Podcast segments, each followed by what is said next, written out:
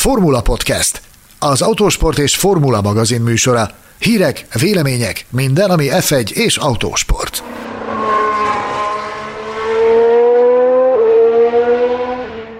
Mit tesz tehetségesé egy versenyzőt? Beleszólhatnak-e a pilóták a csapatuk jövőjébe? Összeolvadhat-e egyszer a Forma 1 és a Formula E? Üdvözlünk minden Forma 1 szurkolót, a podcastünk 47. rendhagyó adását hallhatjátok. Köszöntöm kollégáimat Mészáros Sándort és Gelérfi Gergőt. Sziasztok, hello, hello! Hello, szervusztok! Engem Betlen Tamásnak hívnak. A mai adásban egy korábbi műsor kiváló fogadtatásán felelkesülve ismét a hallgatók által feltett kérdésekre válaszolunk, és miután rengeteg e-mailt kaptunk a podcastkukacformula.hu címre, gyorsan bele is vágunk. Maradjatok velünk az adás végéig, hiszen a leveletírók között három szerencsés hallgatót ismét kisorsolunk, akiket majd ajándékokkal jutalmazunk. Sietünk, de mielőtt belekezdünk, röviden pár praktikus információval megint szolgálunk. Az egyik ilyen dolog, hogy ö, ö, nagyon nagy volumenben zajlik a pályázatunk, amelyet egyelőre csak a formula.hu felületein írtunk ki, és arról szól, hogy iskoláitoknak, intézményeiteknek bátran kérhettek tőlünk a kiadótól könyvsorozatokat. Itt az autósport évkönyv és a szágódás és cirkusz legutolsó 5-5 példányáról van szó, tehát mind a világ legfontosabb autós eseményeit, mind a Forma egy legfontosabb történéseit összefoglaló kötetekről beszélünk, és csupán annyit kell tennetek, hogy írtok egy levelet a levelezés kukacformula.hu címre, illetve pár mondatban megindokoljátok, hogy miért szeretnétek ezt a lehetőséget elnyerni. Azt hiszem, hogy október közepéig tart a kiírás, pontosabb részleteket pedig a formula.hu weboldalon, illetve a legfrissebb októberi Autosport és Formula magazinban olvashattok. Érkezett még azzal kapcsolatban is kérés, hogy mondjuk el az adás elején is, hogy hogy tudtok velünk a leggyorsabban kapcsolatba kerülni. Itt természetesen a podcast csoportunkat ajánljuk, mint a legfontosabb fórumot, másrészt pedig a podcast kukacformula.hu e-mail címet. Nem tudom, hogy nektek van-e valami praktikus infótok, amit ehhez hozzá tudtok tenni, Sanyi? Gergő. Én egy kicsit más jellegűt szeretnék hozzátenni, hogyha bárki úgy hallja, hogy a hangom nem a megszokott, az nem a véletlen műve. Nem szeretném részletezni, mi történt velem, mert iszonyú volt. Maradjunk annyiban, hogy a, az orrokban lévő kettős diffúzort alakították hozzá a jelenlegi technikai szabályokhoz egy apró műtét során, és, és, és jelen pillanatban még a hangszintem és hanghordozásom talán nem a régi, de, de a szellemem tiszta, ne aggódjatok, legalább legalábbis azt hiszem. Sanyi, téged arra kérlek, hogy arról beszélj, hogy hogyan válogattuk ezeket a kérdéseket, illetve mi volt a, az első reakciód, amikor végigfutottál rajtuk? Hát először szeretném örömömet kifejezni annak okán, hogy visszakaptuk az öreg szegedi orszarvud, helyen közel a megszokott orgánummal, hogy hogy zajlott a kérdések a válogatása. Nagyon-nagyon örültünk annak, hogy temérdek kérdés fogalmazódott meg a Formula Podcast Facebook csoportban, minden képzeletünket felülmúlta. Eh, ahogyan az lenni szokott, a a, a háttérmunkákban ugye mindig oszlopos ö, ö, részt vállal Gergő, ö, és hát együtt nekiugrottunk, és leválogattuk, de az érdem az övé, tehát megpróbált mindent ö, úgy, megpróbálta úgy tematizálni a kérdéseket, hogy, hogy annak érdemes legyen neki futni, ugyanis annak az óriási kérdés halmaznak, amit kaptunk, hogyha annak nekiálltunk volna, az idők végezetéig ö, válaszolgathattunk volna a kérdésekre. Igen, és annyit szeretnék még elmondani, hogy nagyon-nagyon sok, tényleg a vártnál jóval több kérdést kaptunk, úgyhogy nagyon sajnáljuk, de egyszerűen nem tudunk mindre válaszolni, mert, mert most hát reggel 9 és 10 óra között ültünk le, és estig itt ülnénk, ha mindegyiken végigmennénk.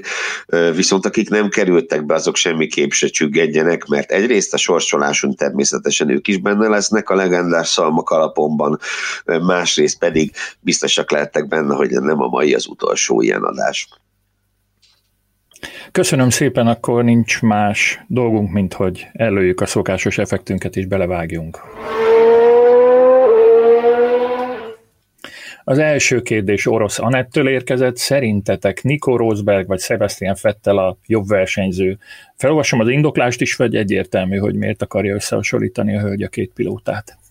Hát nagyjából értsük meg, ugye láttuk, amit írt a hölgy, ugye azt írja, hogy az egyikük négyszeres világbajnok, ugye Fettel, másikuk idézőjelben csak egyszeres, viszont az F1 történetének két legsikeresebb pilótájával ö, kellett megküzdenie méghozzá eredményesen. Persze ezt a képet azért árnyalja, hogy hogy amikor Schumacherrel Rosberg összekerült, hát azt mindannyian tudjuk, hogy az már nem az a Schumacher volt.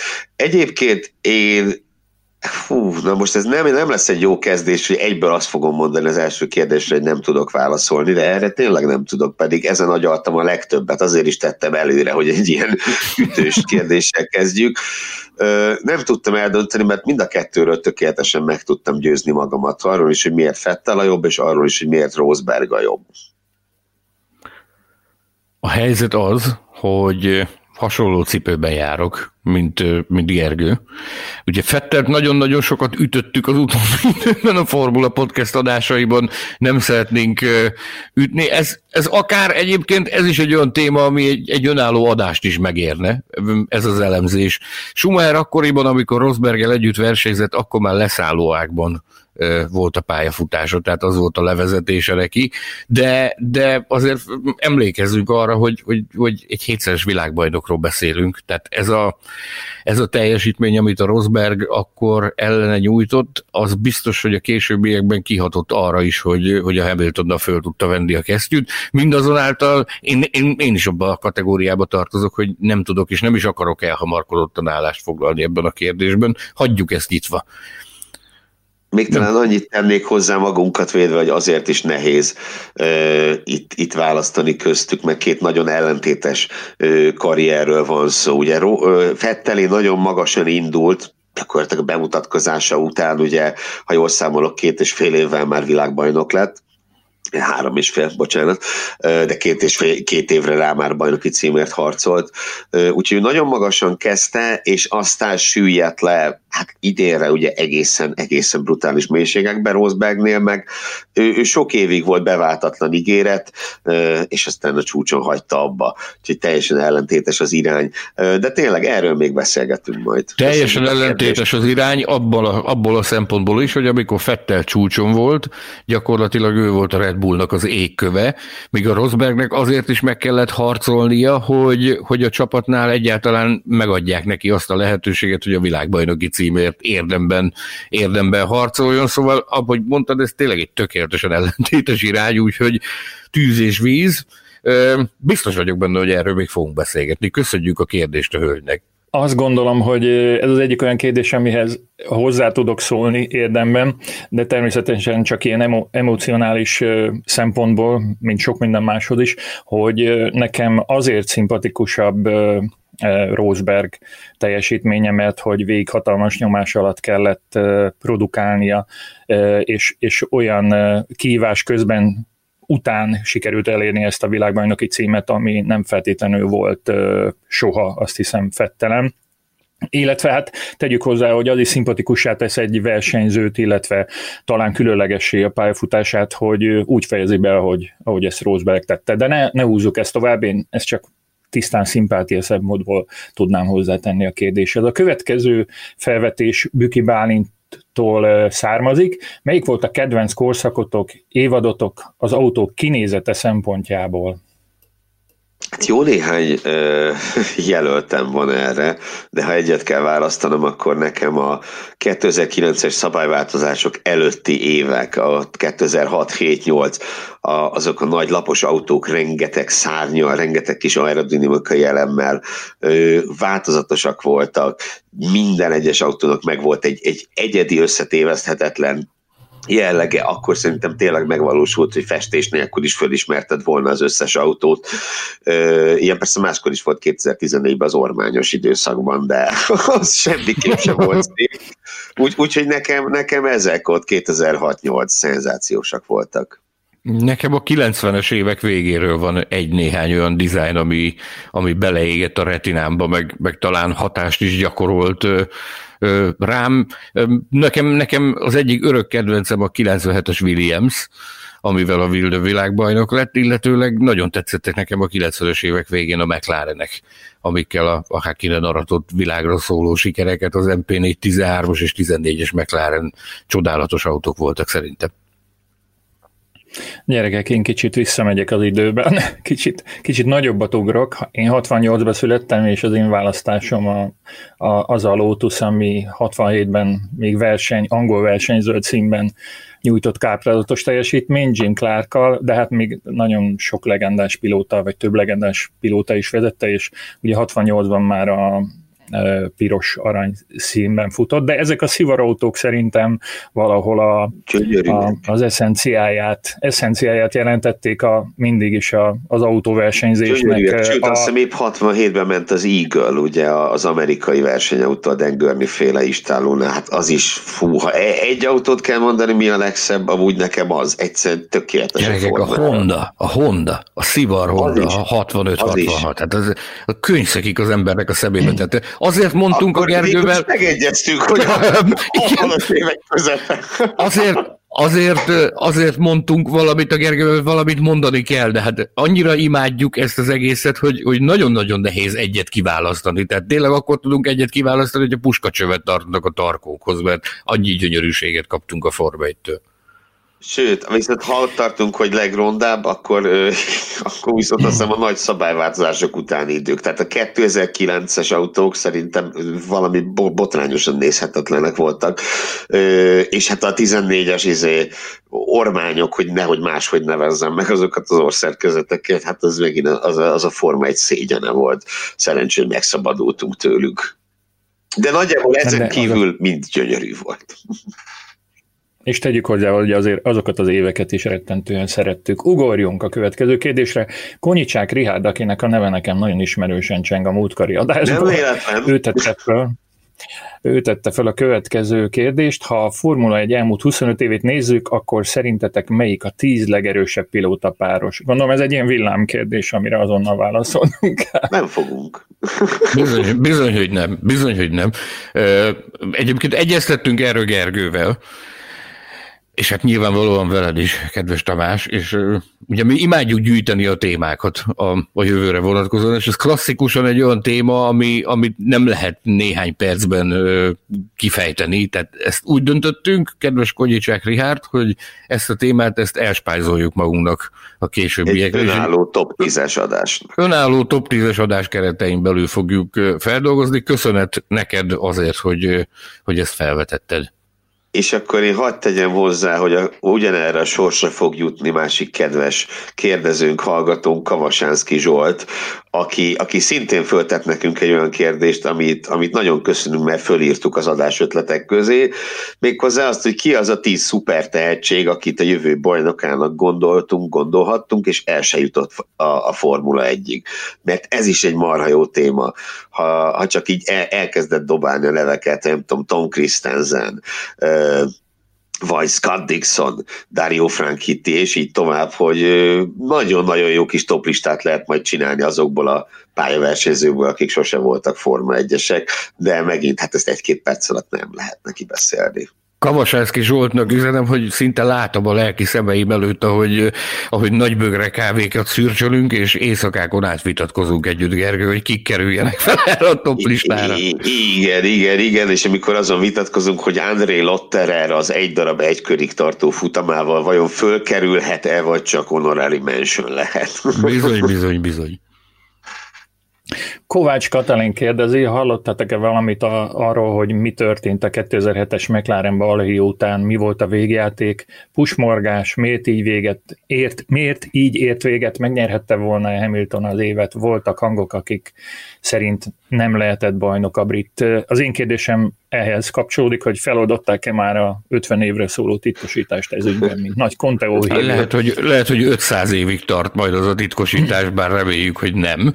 Én itt, mint pusmorgás specialista, én itt magamhoz ragadnám a válaszadást, és arra szeretnék rávilágítani, hogy bizony, akkoriban is voltak nagyon-nagyon durva pusmorgások ezzel kapcsolatban, és ezek a, ezek a mai napig léteznek. Én úgy gondolom, hogy az egy olyan szezon volt, amiről még nagyon sokáig beszélni fogunk a teljes igazságot sokszor mondjuk ezt, hogy majd valakinek az önéletrajzi könyvéből sok-sok év múlva fogjuk megtudni. Teljesen biztos vagyok benne, hogy ez így lesz.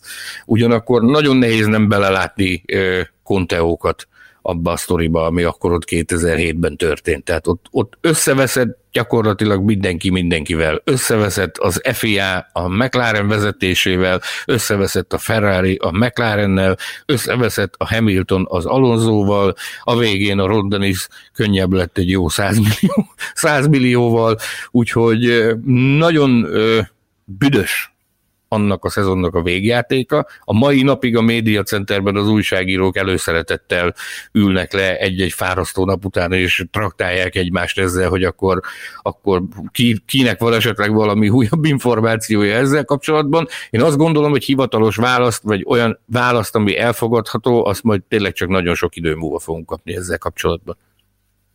Hát igen, persze, nagyon-nagyon fura az egész, és, és tulajdonképpen abból a szezonból jól nem lehetett kijönni. Mert hogyha Hamilton megnyeri a világbajnokságot a Kén botrány után, egy hát kvázi szabálytalan autóval, annak milyen lett volna a visszhangja? És a konteósok ugye azt mondhatják, hogy nem egyszerűbb ezt úgy fű alatt szépen elintézni. Csak amiért meg tehát értitek, ugye ahhoz a braziliai végjátékhoz, amikor rejtélyes módon lelassult, majd még rejtélyesebb módon újraindult a McLaren, ahhoz az is kellett, hogy a, az agyonra rohasztott gumikon a, a kínai kavicságyba dobja Hamilton a mclaren é, És azt már én nagyon nehezen tudnám elképzelni, hogy az is megrendezett lett volna. Értitek? Tehát az, á, nem tudom. Igazából nem tudom, nagyon köszönjük Kovács Katalinnak, lesz mi fejfájást okozó, szerencsé, hogy már bevettem egy fájdalomcsillapítót. A lényeg, a lényeg... Én, én meg annyit hagyd tegyek hozzá, bocs, egy kicsi személyeset, hogy én 2007-ben, amikor Hamilton újonc volt, én, én, én elképesztő módon szurkoltam neki, és, és borzasztó mérges voltam attól a végkifejlettől, és persze nekem is az volt az első gondolatom, hogy hát ő nem nyerhetett, nem hagyhatták nyerni de igazából most sem mernék nagy összegbe fogadni egyik verzióra sem, se erre, se arra. Maradjunk annyiban, hogy pusmorgások voltak, vannak és lesznek is ezzel kapcsolatban. Muszáj mondanom az élményemet, emlékszem élénken a, a, a nagyon unalmasnak tűnő és biztos világbajnoki címnek tűnő ö, verseny tudatában azt hiszem, hogy elmentem gombát szedni a bükkbe azon a vasárnapon. Ez se vagy normális azért. és, és sőt, ha jól emlékszem, de nem vagyok benne biztos, ennek utána kéne nézni, hogy talán még a címlapra is kiírtuk, hogy Hamiltontól már nem lehet elvenni a világbajnoki címet. Bizony. Ez megtörtént. És ez meg is jelent akkor? Már nem emlékszem. Hát nem tudom. Idézzünk De... felhívást kedves hallgatóinkhoz. Ha valakinek megvan a 2007 végi autósport és formula magazin, amely Hamilton világbajnoki címét ünnepli, az töltse föl a címlapot a Formula Podcast Facebook csoportba. Köszönjük szépen! Szóval ez arra nagyon jó volt, hogy tanulni lehetett a történetből. Éppen a héten beszéltünk egy más ügyben Sanyival arról, hogy mit lehet megélni előre, és mit nem lehet. Maradjunk annyiba, hogy a jövőben óvatosabbak leszünk. Azt hiszem, hogy ez így, így a kerek történet. A következő kérdés Borbé Balástól érkezett. Hát azt gondolom megint egy falsúlyos felvetés. Mi a véleményetek az egyszeres világbajnokokról? Ki az, aki többet érdemelt volna, és ki az, aki azért csak nagy adag szerencséje révén jutott a VB címhez. Még egy ide kapcsolódó kérdés Seprényi Zoltántól, ki szerintetek a top három szerencsés világbajnok? Na tessék! Az egyszeres világbajnokok kérdésköre szerintem megint egy olyan téma, amiről köszönjük a harmadik adás ötletet is, amit fölírhattunk a kis jegyzetfüzetünkbe. Szóval ezt itt megint nem lehet pár percben összefoglalni és hogy miért nem, azt azért szeretném egyetlen konkrét példával megvilágítani. Például ott van Kimi Räikkönen, akit ugye már csak azért, mert épp ide kapcsolódik ugye 2007-es szezonzáróhoz, és amiatt, ahogy az a szezonzáró alakult, Kimi Räikkönen szokták szerencsés világbajnoknak bélyegezni. Hiszen valóban ugye az ő bajnoki címéhez kellett a boxbaki Hamiltonnak Kínában, kellett a, az a furcsa lelassulás Interlagosban, másfelől viszont, ha az egész karrierjét nézzük, ha azt nézzük, hogy 2003-ban mindössze harmadévesként a McLaren ő meg tudta szuttyongatni a nagy Mihály Schumachert, és ha azt nézzük, hogy 2005-ben a, a leggyorsabb autóval, és talán a leggyorsabb pilótaként bukta el a bajnoki címet, a McLaren megbízhatósága miatt Alonzóval szemben, akkor ugye nagy egészet tekintve mégsem mondhatnánk, hogy annyira szerencsés lett volna az, hogy Kimi Räikkönen fölkerült a világbajnokok listájára. Sőt, olyan olvasata is lehet a dolognak, hogy hát lehetett volna ő könnyedén akár kétszeres világbajnok is. Vagy egy másik, Nino Farina, ugye róla hajlamosak vagyunk megfelelkezni, mert 1950-ben ő lett az első világbajnok. Tehát az elég régen volt. Csak nézzük meg, hogy hány éves volt, amikor világbajnok lett, és játszunk el a gondolata, hogy kicsit korábban kezdődik el a Formula 1-es világbajnokság, vagy Farina egy kicsit fiatalabb, hát akkor könnyen lehet, hogy ő sem egyszeres bajnok lett volna. Úgyhogy azt hiszem, hogy az egyszeres bajnokoknál, hát érdemes egyesével mindenkinél végigrágni a sztorit, amit majd egyszer meg is teszünk, nem most, hogy kiderüljön az, hogy ki, ki volt szerencsés világbajnok, és ki érdemelt volna többet. Gergő okfejtését hallgatva, az egyik félszemmel a, a böngészőre vetettem a, a figyelmemet, és kérlek szépen most érkezett a hír, ami atombomba. A Honda 2021 végén távozik a Form 1-ből. Jézus, Atya, Úr, Isten, és nek, még kapcsolódik is ehhez, hogy én Jenson Buttonnal akartam érvelni ennél, hogy Jenson Button is az a kategória, akire nagyon sokszor nagyon sok mindent mondtak a 2009-es világbajnokság, a világbajnoki címe kapcsán, ami ugye annak köszönhetően valósulhatott meg, hogy a Honda távozott a Form 1-ből, és Ross Brown átvette a csapatot, amiből septében kalapáltak egy olyan brigádot, amivel VB címet lehetett nyerni. Őt is sokszor illetik azzal a váddal, hogy, hogy szerencséje volt, de hogyha a pályafutása egészét nézzük, én azt gondolom, hogy bátran jelenthetjük ki, hogy megérdemelte azt, az, azt a világbajnoki címet. Egyrészt igen, másrészt kapkodom kicsit a levegőt. Uh, hát erre nem számítottam. E, én azt javaslom, hogy ennek a témának szenteljünk majd rövid időn belül egy különadást. Hát, hogy megvan a jövő heti témánk. ugorjunk a hallgatói Csak még annyit szeretnék mondani, hogy ez abszolút derültékből a villámcsapás. Nagyon sokat ö, nyomoztunk en, ezzel kapcsolatban az elmúlt hetekben ö, külföldi kollégákkal együtt, és ö, semmilyen jel nem utalt arra, hogy a Honda távozni, távozni szeretne a Forma 1-ből, és ennek ellenére mégis megtörtént. Egészen elképesztő. Nem is értem, miután nagyon dicsértük a, a 65-ös autójukat, e, e, ezt követően, hogy tettek ilyet, ugorjunk.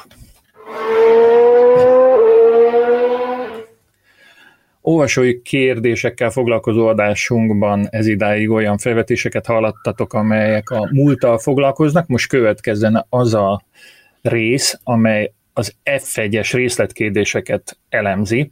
Kovács Imre Leventétől érkezett a kérdés. Mi a véleményetek arról, hogy az idősebb Forma 1 szurkolók szerint a fiatal generációknak csak azért tetszik a mai Forma 1, mert nem láttak régi futamokat? Mit gondoltak a fiatalok, mint én is, olyanokra mondjuk, hogy jó, ami nem is az? Mi az igazság? Ugye mi itt különböző korosztályokat képviselünk, és biztos vagyok benne, hogy mindannyiunknak megvan a, a nosztalgiája, a, a, megvan a romantikája mindannyiunk számára annak az időszaknak, amikor elkezdtünk Forma egyet nézni. Viszont én megnyugtatnám Kovács Imre Leventét azzal kapcsolatban, hogy nem, nem ül fordítva a lovon, semmi gond nincsen. Nekünk szerintem mind hármunknak mondhatom meggyőződésünk, hogy a mai forma egy, egy egészen csodálatos, és nem nem, nem, nem rosszabb, vagy értéktelenebb, vagy, vagy akármilyenebb a, a régi koroknál. Beszéltünk erről többször, ugye többek között a tíz pusztító közhelyet feldolgozó adásunkban is, hogy van egy ilyen mantra, hogy régen minden jobb volt, de hát, de hát ez sajnos egyszerűen nem igaz, vagy szerencsére, inkább így mondom, szerencsére egyszerűen nem igaz. Tehát a, mindaz a, a hiba, úgy szólván, amit hiba, most itt idézőjeleket mutogatok, amit fölrónak a mai Forma 1-nek, az megvolt régen is. Régen is kellett spórolni gumival, üzemanyaggal, régen is kellett úgy vigyázni az autóra, hogy ne ne, ne, ne, ne roncsad el, fú, nagyobb másikét akartam mondani. Uh, meg, meg régen is voltak unalmas versenyek, legalábbis olyanok, ahol kevés előzés volt, stb. Meg hát nézzük meg a szezonokat. Amikor a McLaren 16-ból 15 futamot nyert, vagy amikor Schumacher agyonvert mindenkit, akkor, akkor az változatosabb volt, mint az idei? Hát nem. Rá, rácsatlakoznék arra, amit a Gergő mondott, tehát ö, én azt gondolom, hogy a, a tíz pusztító közhelye kapcsolatos adásban ezt nagyon szépen kifejtettük, hogy, hogy ez a régen minden jobb volt mantra, ez én legalábbis mindenképpen idegen, idegenkedem tőle, de tudom, hogy a, a Gergő is, meg azt is tudom, hogy te is idegenkedsz ettől. Ennek ellenére azt kell, hogy mondjam, hogy semmivel sem értéktelenebb a, a jelenlegi forma egy, sőt, mint a múltbeli. Én egy üzenetet szeretnék ennek okán megfogalmazni, azt, hogy szeressük a Form 1 a régi időket is, és a jelenlegi korszakot is. Mindig ezt szoktuk mondani, hogy szeressük az autosportot, ahelyett, hogy ezzel lamentálunk, hogy mikor volt jobb, vagy hogy volt jobb, inkább azt figyeljük, hogy mi történik. Egyébként én még mindig a, a Honda bejelentés hatása alatt vagyok. Elnézést kérek a kedves hallgatóktól, hogy forog velem a világ gyakorlatilag. Konci Lajosé a következő kérdés elég hosszan indokolta, hogy miért tette föl, de a rövid kérdés így hangzik, mekkora mértékben szólhatnak bele a pilóták a csapatok életében, mekkora hatalmuk van a jövő alakításában az adott istálon belül, és ezt azzal indokolja, hogy tulajdonképpen a pilóták hozzák ugye a szponzorok egy részét, illetve a Netflixen látható sorozatban is feltűnt neki, hogy néhány versenyző elég vehemensen kommunikál a, a csapatvezetéssel, a szerelőkkel az istálon belül. Szóval mi a helyzet ezzel kapcsolatban? Milyen hatalmuk van a pilótáknak a mai Forma 1-es csapatokban? Konci Lajosi George Russell hozta példaként, példaként, ahogy a Netflixes filmben látható az, hogy a csapatnak elmagyarázza azt, hogy, hogy az irány nem jó, fejlődni kell, nem helyes az az út, amin, amin 2019-ben jártak. Nos, én azt gondolom, hogy egy jó versenyzőnek mindenféleképpen el kell jutnia arra a szintre, hogy hatással tud lenni a csapat életére. Legyen itt szó akár fejlesztésről, akár, akár más dolgokról, csapaton belüli politikáról. Nélkülözhetetlen. A sikerhez ahhoz, hogy valaki eredményeket érjen el, ahhoz nélkülözhetetlen, hogy hatással tudjon lenni ezekre a dolgokra, ám de már szerintem nem mindegy, hogy milyen szintű ez a ráhatás.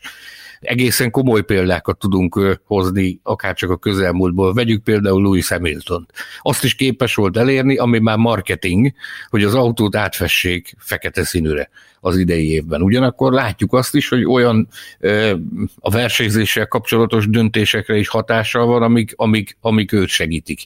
Nem véletlenül nyert már öt világbajnokságot, és fogja nyerni a hatodikat a Mercedes-szel 2020-ban. De ha ha veszünk egy ellenpéldát, ott van például Fernando Alonso, aki, aki már átesett a lónak a túloldalára, aki már olyan dolgokba is belefolyt, amiben, amiben nem kellett volna, és ennek nagyon sokszor megitta a levét. Ugyanakkor hozhatom példaként mostanában sokat bíráltuk Valtteri Bottas, aki pedig egész egyszerűen fantasztikus autóversenyző, de nem tudja azt a, azt a házon belüli belpolitikai hatást kiváltani, ami ahhoz szükséges, ami ahhoz lenne szükséges, hogy ki tudja lobbizni magának azt, hogy, hogy megkapja azokat a lehetőségeket, hogy érdemben küzdjön a világbajnoki címért. Gergő, van ez neked hozzáfűzni való? Persze, én elsősorban is Alonzóról akartam beszélni, teljesen úgy van, hogy a Sanyi mondja, tehát ugye ő a ő az, aki, aki, aki ezt többször láthattuk, több csapatnál láthattuk, hogy ő már túl, túl politizálja a dolgokat, és ezért rendszerint nincsen maradása neki az adott csapatnál túl sokáig. Viszont a, a Renault, vagy ugye jövőre már Alpin nyilvánvalóan ennek tudatában igazolta le Alonzót.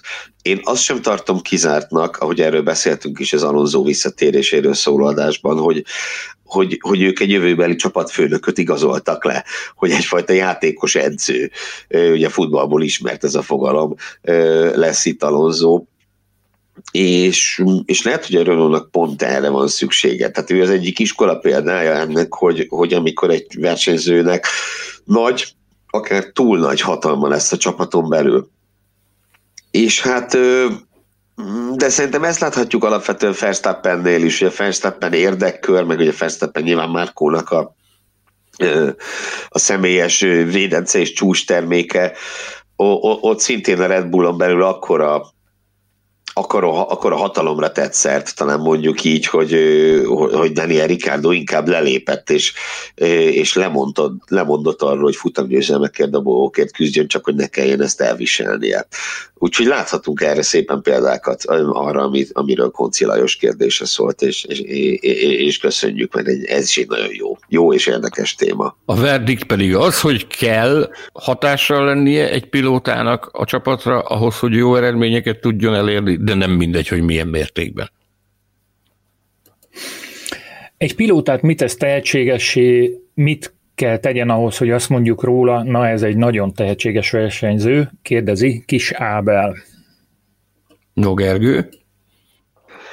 Ugye ez egy, ez egy több összetevős dolog. Ábel ezt kicsit hosszabban írta meg, ő, ő példaként hozta Landon norris és George Russell-t, hogy, hogy őket így, így nagyon tehetséges versenyzőként emlegetjük, miközben ugye Russell például pontot sem szerzett. Nyilván ő maga is Ö, annak tudatában írta ezt, hogy hát ugye Russellnek esélye sem volt sok pontot szerezni. Mi kell ehhez? Én mi alapján mi alapján nevezek valakit annak? Egyrészt nagyon fontos a fiatal versenyzők esetében, mint Norris és Russell, tehát az első mondjuk két, max. három évében a versenyzőnek, hogy milyen eredményekkel érkezik a Forma 1-ben.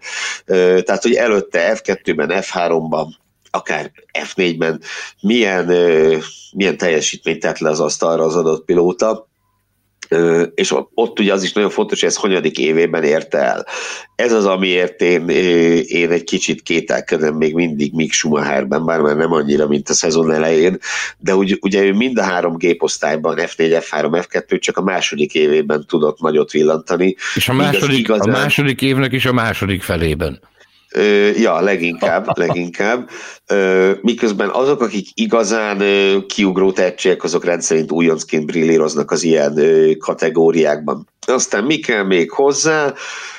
Az úgynevezett racecraft talán a legfontosabb, ami nem egy számmal mérhető dolog, ez leginkább ott jön le, hogyha az ember nézi a versenyeket és látja. Azért így angolul mondom, mert nincs igazán jó magyar kifejezés rá, versenyszituációk felismerése és kezelése, talán nagyjából így a biztos kéz és a hideg fej, ez az, ami a racecraftot kiadja. Az egykörös tempó nagyon fontos, amit mindenek előtt a csapattársal szemben tudsz lemérni, Ugye ott látszik igazán, hogy milyen az egykörös tempó, hogy hogy teljesít az ember a csapattársával szemben. Russell kapcsán ki is emeltük pár hete, hogy persze, hogy a, a, a, a nem százszázalékos Kubica és az újonc Latifi volt a két csapattárs, de hát időmérőn 30-0-nál tartott, és azóta még ugye hozzátett egyet a, a csapattársakkal szemben, ami egészen döbbenetes. Illetve illetve még egy dolog, ez egy óriási közhely, viszont azok rendszerint igazak, hogy mindemellett az számít nagyon, hogy mit mutatsz esőben, mert ott jön ki igazán a tehetség. Tehát a, a, az, hogy hogy tudod a versenyautót kezelni. Úgyhogy ilyen szempontból azt hiszem az esős versenyeket érdemes még külön, külön figyelemmel kísérni. Én nagyon röviden úgy fogalmaznám meg a válaszomat, hogy hozd ki a lehetőségeidből a legtöbbet, minden csapatnak, minden közegnek megvannak a maga korlátai, de, de érd azokat a korlátokat lehetőség szerint, hogyha ha van rá lehetőséged, akkor lépd is túl azokat. Ez egy dolog. A másik alapvetés pedig az, hogy tudd eladni magad nem feltétlenül a külvilág felé, hanem, hanem házon belül. Tud meggyőzni azokat az embereket, tud motiválni a mérnököket, tud motiválni azokat az embereket, akik a te sikeredért dolgoznak, és tud kilobbizni magadnak azt a lehetőséget, hogy, hogy tényleg mindenki 100 vagy 110 százalékosan felsorakozzon mögéd azért, hogy, hogy te sikereket érj. Én azt gondolom, hogy ha ezt Gergő nagyon szépen belement a részletekbe, én ezt lájtosan ezt így fogalmaznám meg, hogy ezek azok a főbb sarokpontok, amivel el lehet érni azt, hogy valakit tehetségesnek minősítsenek, akár már a, a pályafutása elején is. Ennek az etapnak az utolsó kérdése következik Rezsnyák Robert nevéhez. Nem, kihagytál egyet, sajnálom. Tényleg kihagytam. Akkor az utolsó előtti kérdés következik, és Rezsnyák Robert nevéhez fűződik a felvetés. A versenyzők hány sisakot használnak el egy évben, vagy csak mindig átfestik őket? Gondolom nem, ennyire nem számítana a pénz, és egyáltalán kiadja a sisakot, és itt az overára is rákérdez. Ezt már én is meg tudom válaszolni, hogy ennyire nem számít a pénz, legalábbis Igen, a kérdés ezen része a legegyszerűbb, ennyire nem számít a pénz. Egyébként nagyon változó, hogy ki hány darabot használ, vagy hány darabot kap egy évre. Tehát a, akik ilyen hát kis pénz, kis foci alapon ö, működnek, ott, ott ilyen 6-7 sisakot kapnak egy adott szezonra, de, de például ilyen Hamilton szinten és így az élmezőnyben ott akár 15-20 sisak is készül egy adott szezonra. Ö, az, hogy ki adja ezeket, ugye óriási verseny van nem csak a versenypályán, hanem a versenypályán kívül is a sisakgyártó frontján. Ugye akiket tudunk, nagy sisakgyártókat, akik jelen vannak az Arai, a Bell, a Schubert és a Stilo. Ez a négy gyártó, aki, aki sisakokat szállít Form 1 csapatoknak, és Form 1 versenyzőknek. Ugye vannak, akikkel exkluzív együttműködés keretein belül dolgoznak együtt, ott az, azok ők nyilvánvalóan ingyen kapják a sisakokat, nyers állapotban, amit a saját sisakfestőjükhöz visznek el, aki varázsolja olyanra, amilyenre azt a versenyző megálmodja. Vannak azok, akiknek vásárolniuk kell a sisakokat, néhányan, de vannak ilyenek is, akiknek fizetniük kell. Ott eseti megállapodás kérdése, hogy a versenyző vásárolja magának, vagy a, vagy a csapat vásárolja meg neki.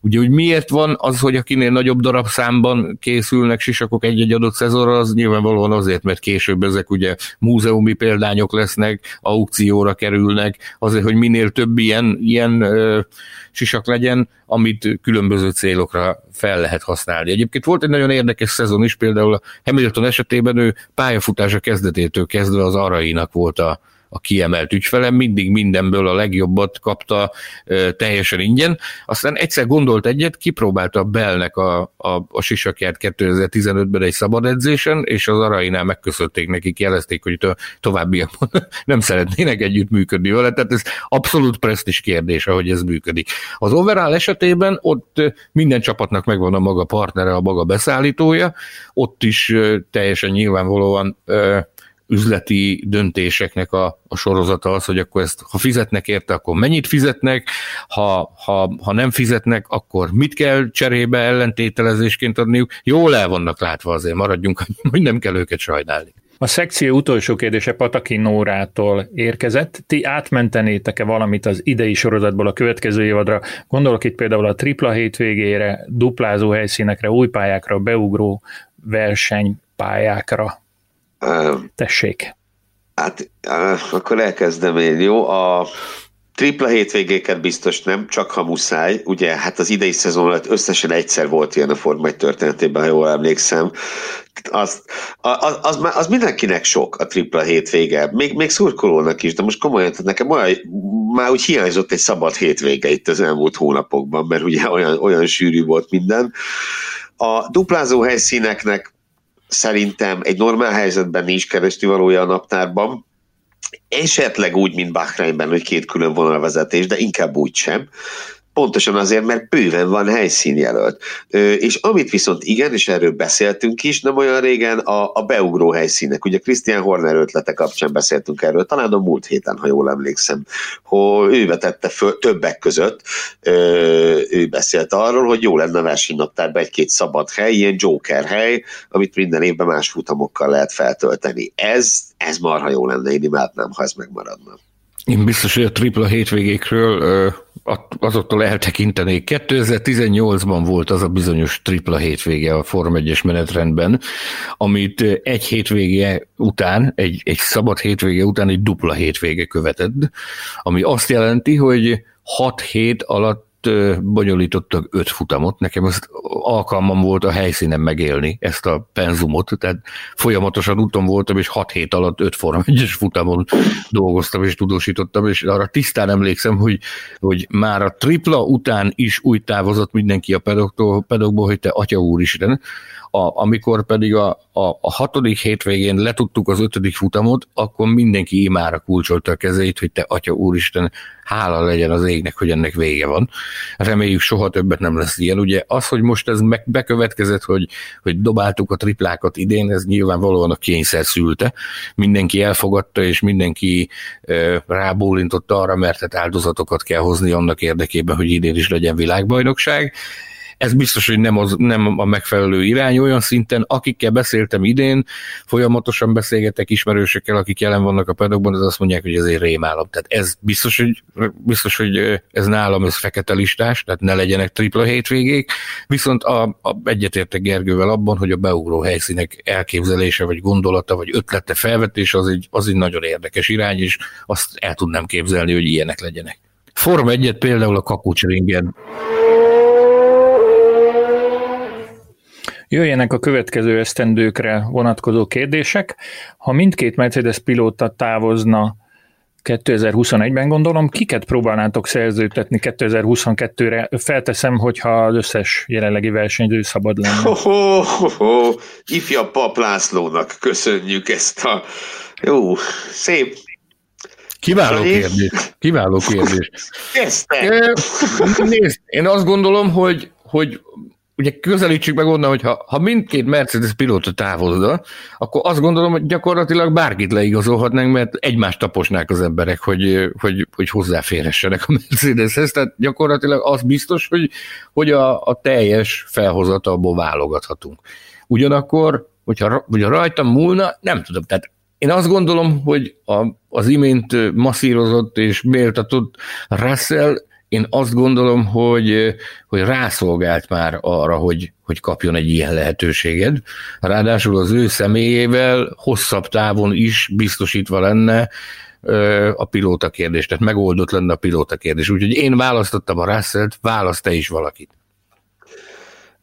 Igen, ugye ha, ha Russell rendben, akkor ugye az egyik csapatfőnök szerződtette Russell-t. Én akkor Verstappenre nem megyek rá, mert nem akarom, hogy fölrobbanjon az istáló. Tehát a, a Verstappen mellett ugye ő, ő, ő nem, tud, nem tud úgy működni, hogy két alfa van. Ő nekik, nekik az alfa himnek lennie. A, kit lehetne Russell mellé vinni? Szerintem Ricardot oda lehetne vinni, de még inkább oda lehetne vinni Lando Norris-t. Uh, egy brit páros persze Mercedesnél nem biztos, hogy marketing szempontból ideális, de hát most tekintsünk el ettől.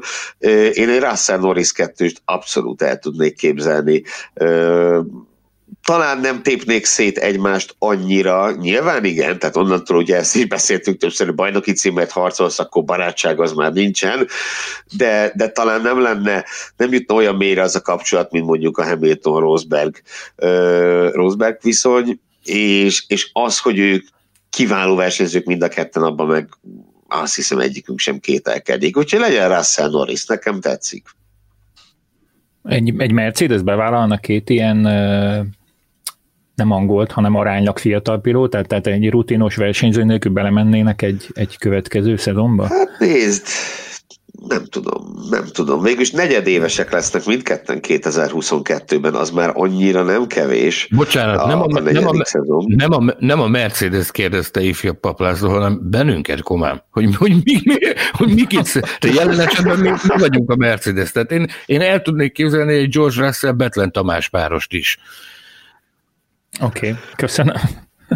Köszönöm. De egyébként Tamás, annyit, hogyha valaki tényleg rutinos versenyzőt akarna mondjuk Russell mellé, akkor, akkor azt mondanám, hogy a Ricardo a nyugodtan a, aki talán... és akkor megvan a rutin.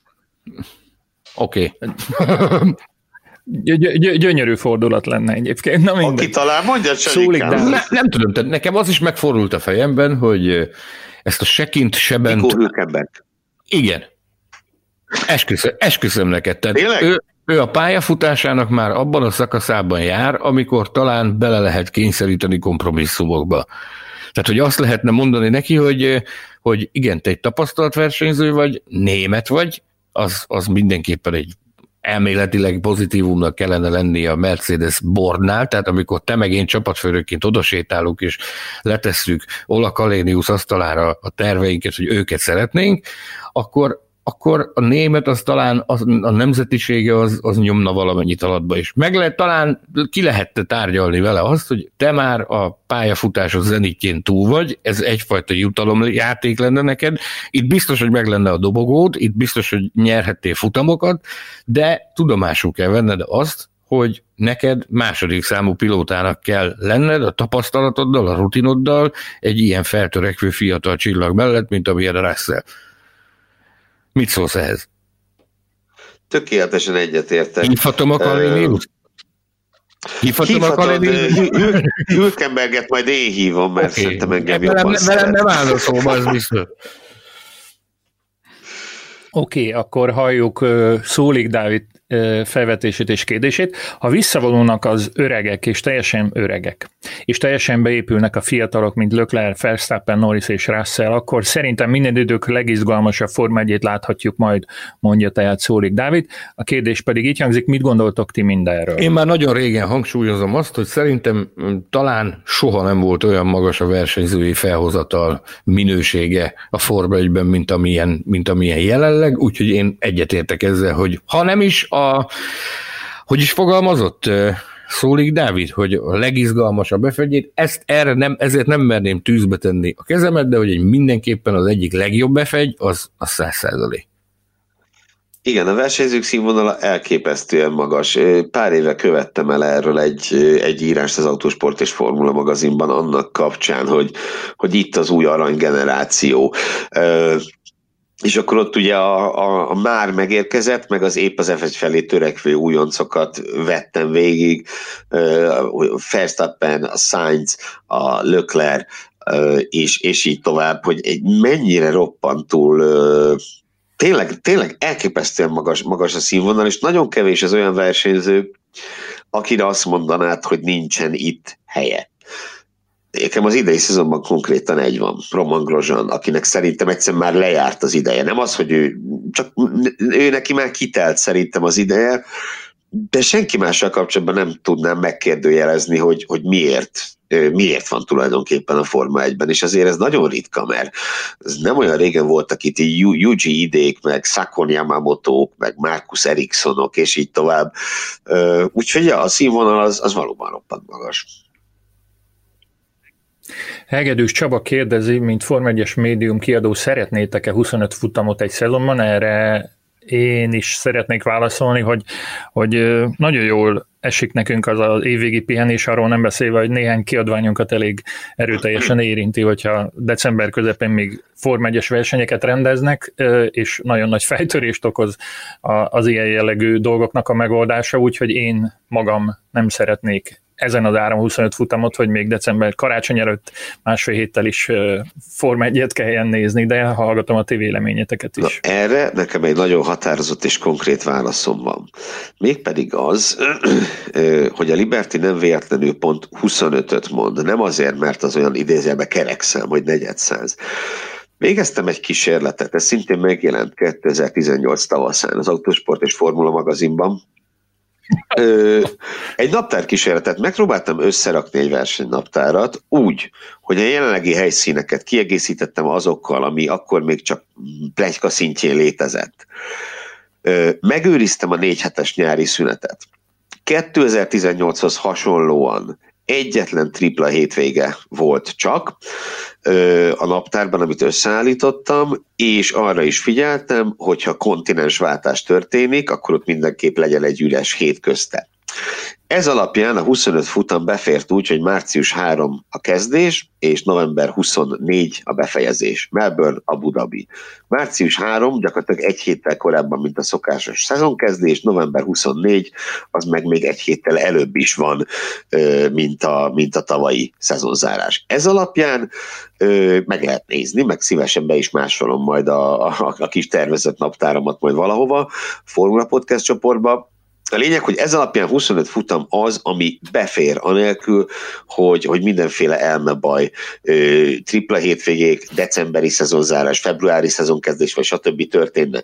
Hogy jó-e ez, hogy a csapatok kibírnák-e, stb. az nyilván egy más kérdés, de logisztikailag befér, és a kiadványaik is időben nyomdába kerülhetnek tőle. Most felmerült a fejemben, hogy ezt a kis dolgozatodat, ezt akár átküldhetnék Stefano Domenicelli-nek is, aki ugye a FOM vezetője lesz januártól, de Isten őriz még a végén inspirációt kapni, és megcsinálná a tervedet, hogy 25 futam legyen, ez viszont szerintem én egyetértek Jacques Villeneuve-vel, aki itt a Formula Podcast adásában azt mondta, hogy a, a, a dózisra nagyon oda kell figyelni. Mert ez is olyan, mint a pizza. Hogyha egyfolytában pizzát zabálsz, akkor előbb-utóbb megunod. Tehát én nem tudom, nekem ez már, már ez a 21-22 is a, a lélektani határon talán már egy picivel túl van. Én tisztán emlékszem még ö, megboldogult fiatal korunkra, amikor 15-16 futamból állt a világbajnokság, annak szerintem elégnek kell lennie arra, hogy eldőjön, hogy ki a legjobb, és ö, és elégnek kell, elég abból a szempontból is, hogy megőrzi az értékét a futam. Tehát, hogy, hogy nincs orba szájba ö, nyomatva a versenyzés, amitől sokszor már tényleg akik a legjobban szeretik, már azok is kész vannak ettől a történettől. Úgyhogy ebben a 21-22-ben én, én azt gondolom, hogy ennek ez az, ez, az, ez az, az, az abszolút maximum. Hallani sem akarok 25-ről, szerintem az too much. Üzleti szempontból valószínűleg egyébként nyilván a, a Libertynek érdeke, hogy minél több promótertől tudjon bevételeket szerezni, de hát a másik oldalról meg ott vannak a versenyzők, és az ő szakszervezetük, illetve nem is tudom, gyanítom, hogy van a szerelőknek is valamiféle szakszervezet, akik meg ezt nagyon nem akarják. Hát, hát nem tudom, ez nehéz kérdés. Következő felvetés Horváth Zoltántól származik, az autóipar és a környezetvédelmi mozgalmak eredményezhetik-e, hogy 15 év múlva eltűnik a Forma 1 a ma ismert formájában, és ezzel együtt még egy kérdés, egy nagyon távoli jövőben láttok-e ti esélyt arra, hogy a Forma 1 összeolvad a Formula Evel, és elköszönhetünk a belső égésű motorral szerelt autóktól. Tehát Horváth Zoltán és Szabó Tibor kérdéseit hallottuk. Köszönjük szépen Horváth Zoltánnak és Szabó Tibornak a, a kérdéseket.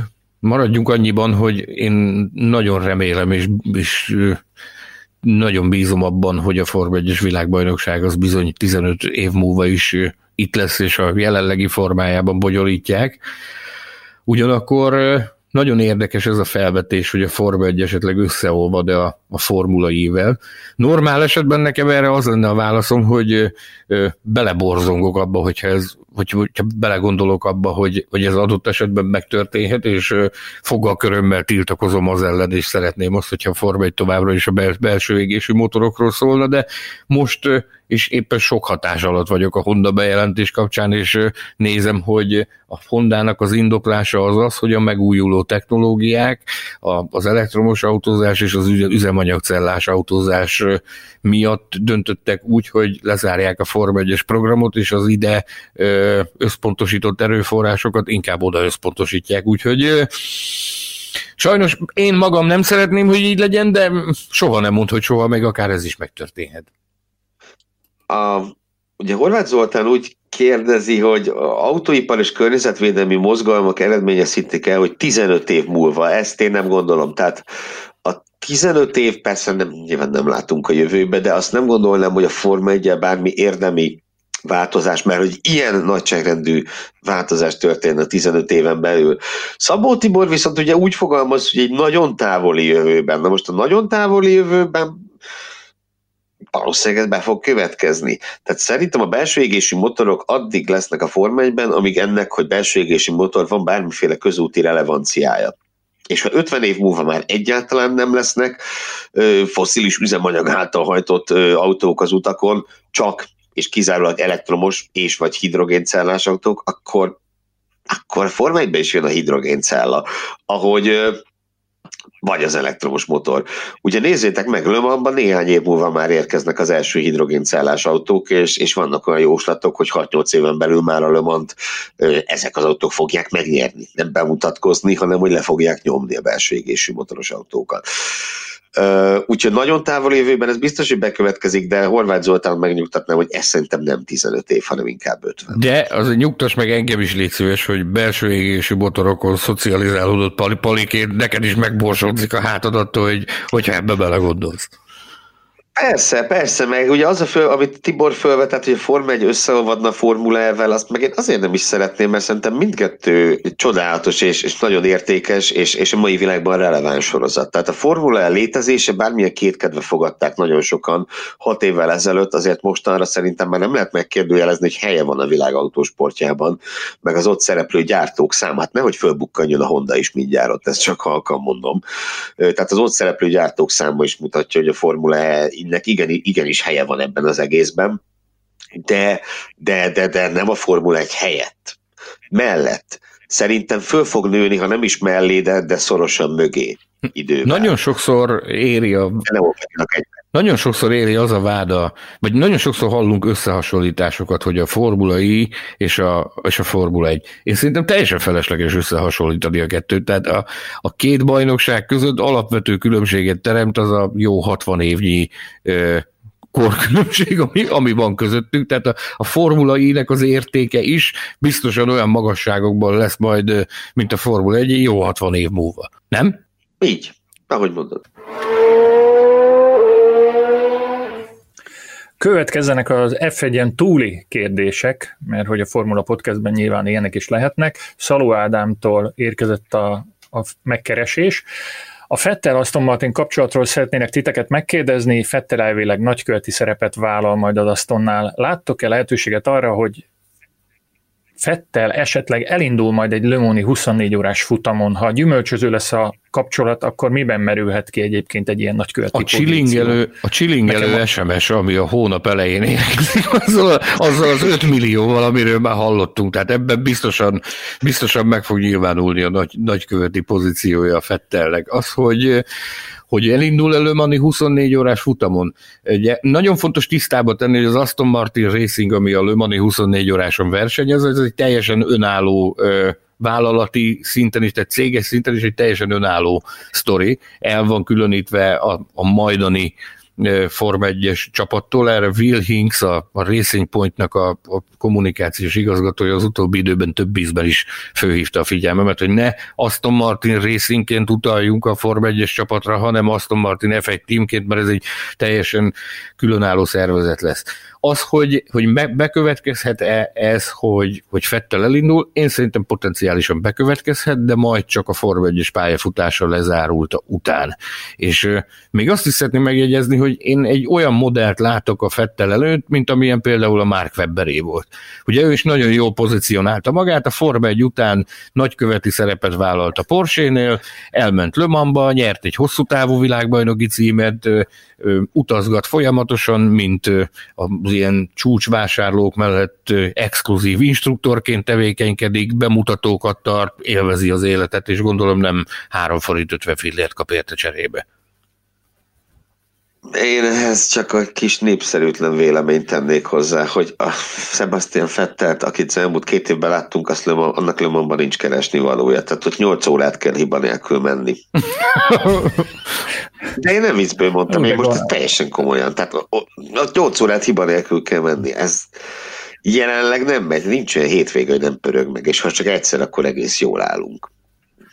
Gonosz vagy, én már vendégeskedtem, igaz nem Lemonba, de hosszú távú világbajnokságon Aston Martinéknál, a garázsban, és én azt tudom elképzelni, hogy ő, mint Forma 1-es Aston Martin pilóta megjelenik, és mosolyog és fényképezkedik majd, a, majd az autó mellett, akár Silverstone-ba, ami ugye nagyon közel van az Aston Martin főadiszállásához, akár, akár Le Mans-ba, szóval úgy gondoljuk, úgy tűnik valamennyien, hogy, hogy ez a reális opció az ő Leoni És az, hogy jön majd az SMS a, a hónap elején, ami csilingel, és azt a szép hosszú számot ki fogja írni.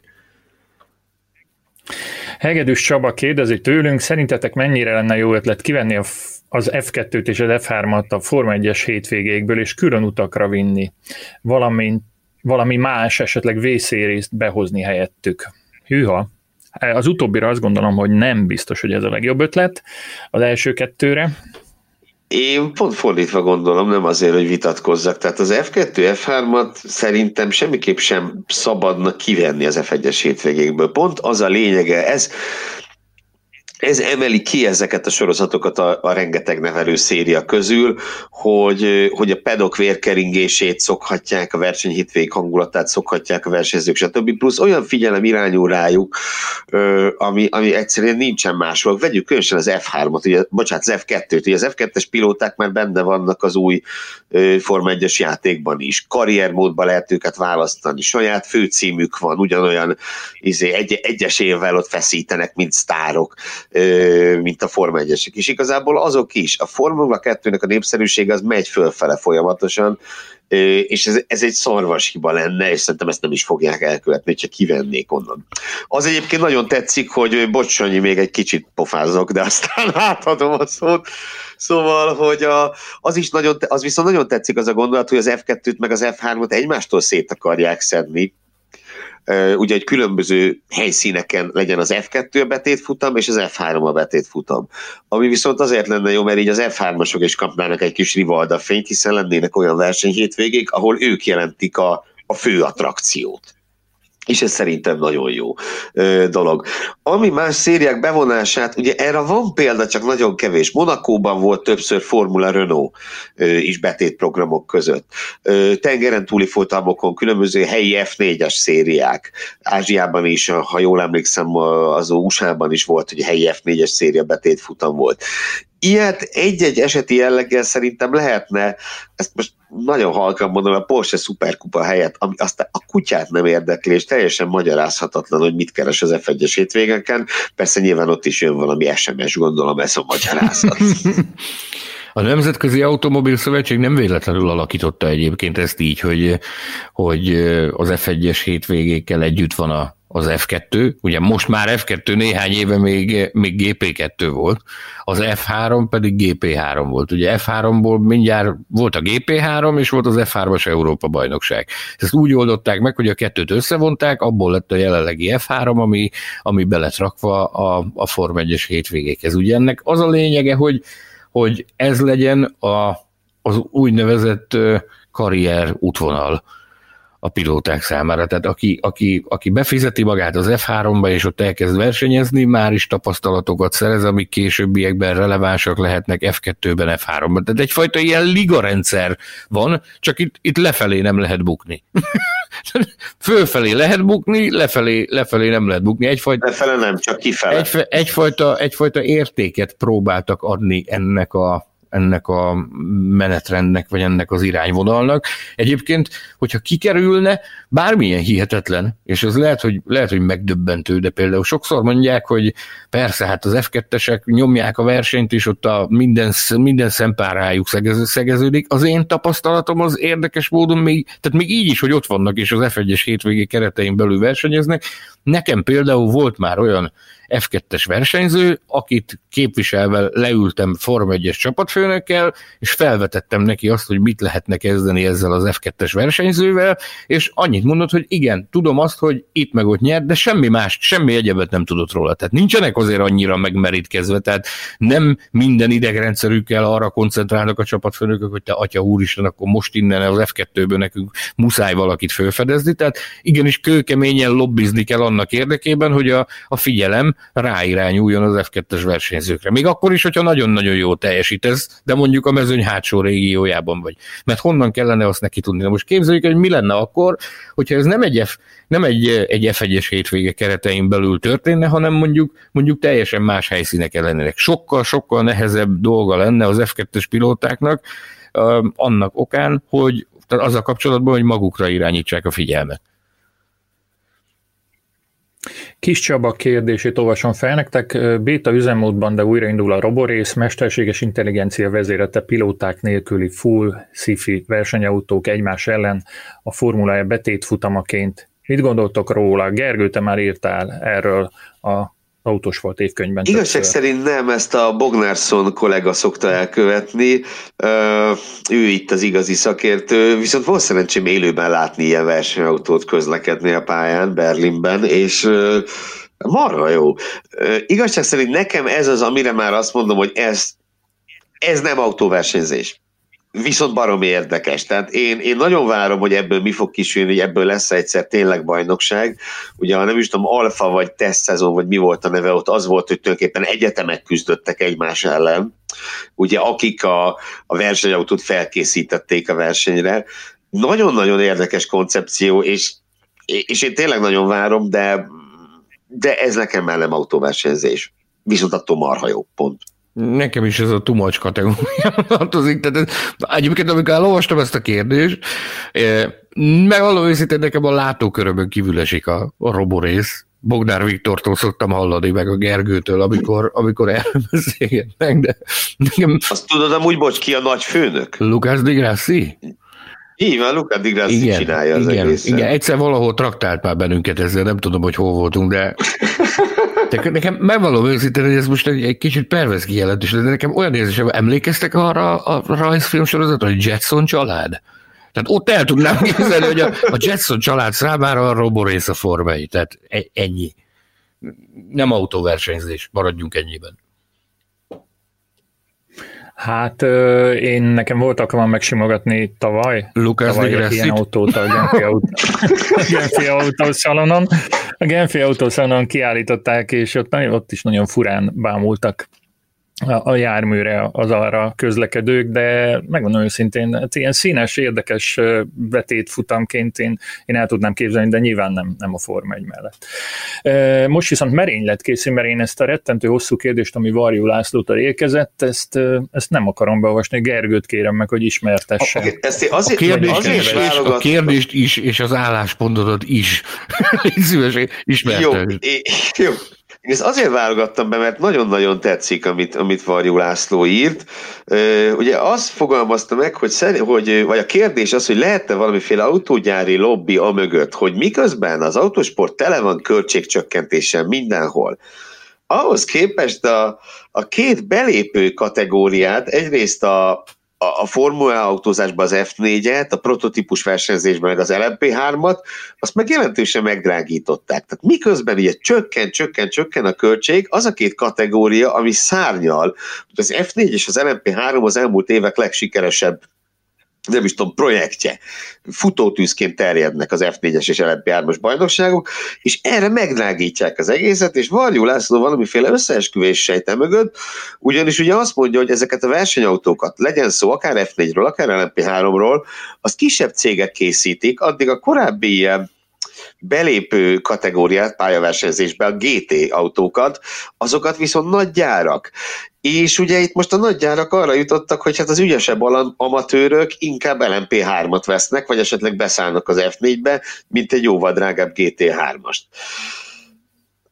A válaszom pedig az, hogy igen, tehát itt, itt tényleg maga, magáért a kérdését és, és a felvetését válogattam be. Az autógyári lobbit soha nem szabad alábecsülni, főleg egy ennyire jelentős kérdésbe, hogy a sok pénzzel és jó esetben sok tehetséggel is megáldott fiatalok milyen versenyautót vesznek. Hát naná, hogy az autógyárak azt akarják, hogy az övéket, és nem hol milyen Tatusz, meg ilyen cégek gyártják ugye ezeket a versenygépeket nem lebecsülve, de hát ugye, na, értitek. Úgyhogy igen, igen, a, a lobbyerő az itt nagyon hathat, és, és, és köszönöm ezt a felvetést Varjú Lászlónak, mert szerintem abszolút jó. Sanyi, én, ilyen, ilyen átfogó magyarázat, mit tudnék én ehhez hozzátenni, kérem? Igazából nekem se kellett magyarázat, tehát én imádom, amikor valaki a kérdést meg is válaszolja, és Pont. Nem tudunk mit hozzá. Amikor, amikor megláttam az összeállításban ezt a kérdést, akkor én ezt bevizionáltam, hogy Gergő fogja ismertetni a kérdést is, és a, és a markáns álláspontot is, és ez megtörtént, és én nagyon elégedett vagyok. Köszönöm. Én is köszönöm. Személyes és podcast kérdések jó, jó, jó, jó, megkeresések. Jó, Horváth Zoltán például személyesen Mészáros Sándor szólítja meg azzal, hogy gondoltál-e már arra, hogy valami vlogszerű dolgot készítse az adott pályára való kiutazásról, a pálya megközelítéséről, kötelező oltásokról, tá- olyan távoli helyeken, a versenyre kilátogató magyarokkal. No, hát szóval Hello, Horváth Zoltán, köszönöm a kérdést. Természetesen gondoltunk erre, Betlen főszerkesztővel heteken át elmélkedtünk ezen, hogy az idei szezonnak ez lehetne az egyik különlegessége, hogy egyfajta ilyen kis rövid úti filmeket készítünk a, a versenyek kapcsán megélt utazásokról, kalandokról, mi egymásról. A másik pedig a podcast volt, ami kapcsán már gyűrtük egymást nagyon-nagyon régen. Az egyik megvalósult, a másik nem, annak okán, hogy jelenleg nem lehet utazni, de igen, természetesen a dolgok jelenlegi állása szerint idén ö, utazunk még farvegyes futamra, ez szinte biztosnak tűnik, és az lesz majd a próbaüzem szeretnénk megmutatni azokat az apróságokat, amiket meg tudunk mutatni. Ugye a, pedokban nagyon sok mindenre nincs lehetőségünk, mert ott nincs, ahhoz az külön jogosultsághoz kötött. Permanens akreditáltként van lehetőségünk arra, hogy a, a Forma 1-es futam helyszínén, tehát a pedokban, ha nyitva lesz a pedok az újságírók számára, semleges helyszínen egy néhány perces felvételt készítsünk, ezzel biztos, hogy fogunk élni, meg is kaptuk erre a visszaigazolást.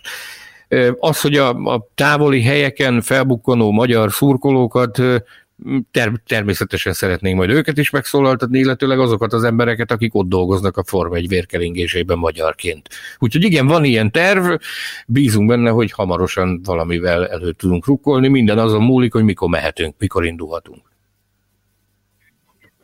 Jöjjön egy kérdés Gergőhöz, Konyicsák Rihárd vetette föl, hogy mi a véleményetek a néha egészen eldurvult és taszító komment szekciókról bizonyos Form cikkek alatt? Szoktatok-e ilyeneket olvasni vagy beszélni róluk egymás között? Ez Gergőt meg engem azt hiszem, hogy elég gyakran igen, összehoz ez a, igen, ez a probléma. Igen, tehát önmagában uh... Én, én két dolgot nem szeretek nagyon. Egyrészt, amikor, amikor ez átmegy személyeskedésbe mármint úgy, hogy a kommentelők elkezdik egymást elküldeni mindenféle éghajlatokra, vagy amikor a, a kollégákat, a, a, a cikkek íróját kezdik el egészen vállalhatatlan módon támadni. Én azt nem bírom. Nem tudom, ugye mi magunk részéről szoktuk mondani, hogy minket lehet szidalmazni, nyilván itt is van határ, tehát a podcast kapcsán is kaptunk már olyat, hogy örülnének, hogyha elhúgynánk, ez nálam túl volt egy, túl volt egy bizonyos határom. Szóval ez az egyik. A másik az pedig, az pedig specifikusan Louis Hamiltonhoz kötődik. Tehát mindenkinek joga van, hogy meglegyen a véleménye Hamilton, hogy mondja, a mozgalmi tevékenységéről. Nekem is megvan. Nekem sem a legszimpatikusabb versenyző Louis Hamilton a Forma 1-ben, de de hogy őrizzünk már meg egy határt. Tehát ez olyan szavakat, mint banán, majom, gya, nem, gyapot. Nem, nem, nem, nem, a többit én betűs szót ki sem mondom. Tehát, hogy van, van hogy ne, ne úgy támadjuk már hamilton azért, mert hogy milyen színű a bőre. I, ilyenkor, nem tudom, a Formula Podcast Facebook csoportban szerencsére még nem volt ilyen. A formula.hu ugye az ilyen kijelentésekért tiltás jár, és, és azt gondolom, hogy nagyon helyesen. Tehát ez egy olyan szint alatt van, ami ugye a Eszterházi Péter klasszikus idézem, hogy egy bizonyos szint fölött nem megyünk egy bizonyos szint alá.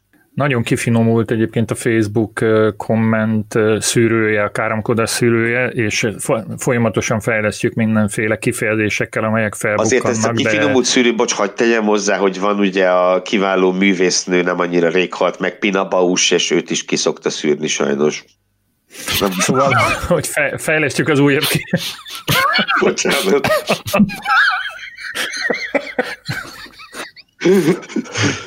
Muszáj volt. Mondja Tamás. ja, van ilyen köhögés kapcsoló né- némelyik stúdióban, nálunk nincsen. Na szóval, hogy fejlesztjük folyamatosan, és bőjtjük azokkal a szavakkal, amelyeket nem szeretnénk látni, de meg kell, hogy mondjam, hogy hogy nehéz a dolgunk, mert az újabb variációk azok, azok ömlenek, és ez ügyben a, a türelmét meg a megértését kérjük azoknak, akik egyébként ezt nálunk előfordul, hogy hamarabb észreveszik az ilyen jellegű hozzászólásokat is kritizálják, sőt feljelentenek nyilván bennünket, tehát nem csak kritizálnak és ostoroznak, hanem fel is jelentenek egyenesen gyorsan a, a, a Facebooknál megértést kérünk, és, és meg kell, hogy értse mindenki, hogy, hogy mi is azon az állásponton vagyunk, amit, amit az előbb a Gergő elmondott, tehát nem szeretnénk semmi olyat látni, ami, ami nem fér bele a, a, a normális értékrendbe, egy emberi, európai emberi értékrendbe. És ennyi erről a kérdésről. A következő felvetés megint Sanyihoz. Röviden, mi nem készítettünk eddig interjút Bernie Ecclestonnal, és mikor fogunk? Készíteni már sokszor készítettünk interjút Bernie Ecclestonnal, meg remélhetőleg még jó sokszor fogunk is.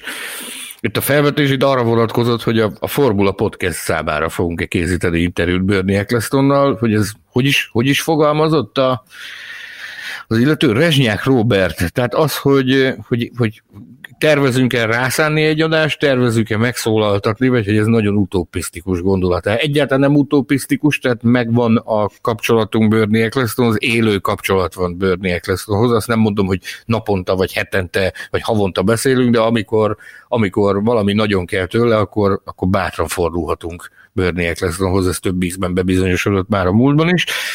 Felvesszük, meg nem, nem is kell fölvenni, mert szerepel ő is a, a a kivesézendő témáknak a listáján. Előbb-utóbb majd el fogunk jutni oda is, remélhetőleg majd a nem túl távoli jövőben őt is vendégül láthatjuk egyszer a Formula Podcastben. Hát csodálatos lenne, hogyha Sanyi ezt, ezt is meg tudná valósítani. Én őszintén megmondom, én az eddigiek közül pedig volt itt már pár csoda, Nelson Piqué interjú Takuma Sato 48 órával az Indi győzelem után, de azért összességében Sanyi legnagyobb hőstettének tartanám, hogyha az internet minden formájától undorodó Bernie hogy sikerülne egy podcastbe bevonni, azt lássuk be, ez lenne a nagy valami. Nézd, arra sikerült rávenni, hogy az esküvőm dátumát ő válassza ki, meg a, meg a meghívót is aláírja, tehát én azt gondolom, hogy az egy nagyobb challenge volt, mint ez, de rajta vagyunk. Kis türelmet kérünk, előbb-utóbb remélhetőleg tudjuk hozni Bernie Ecclestont is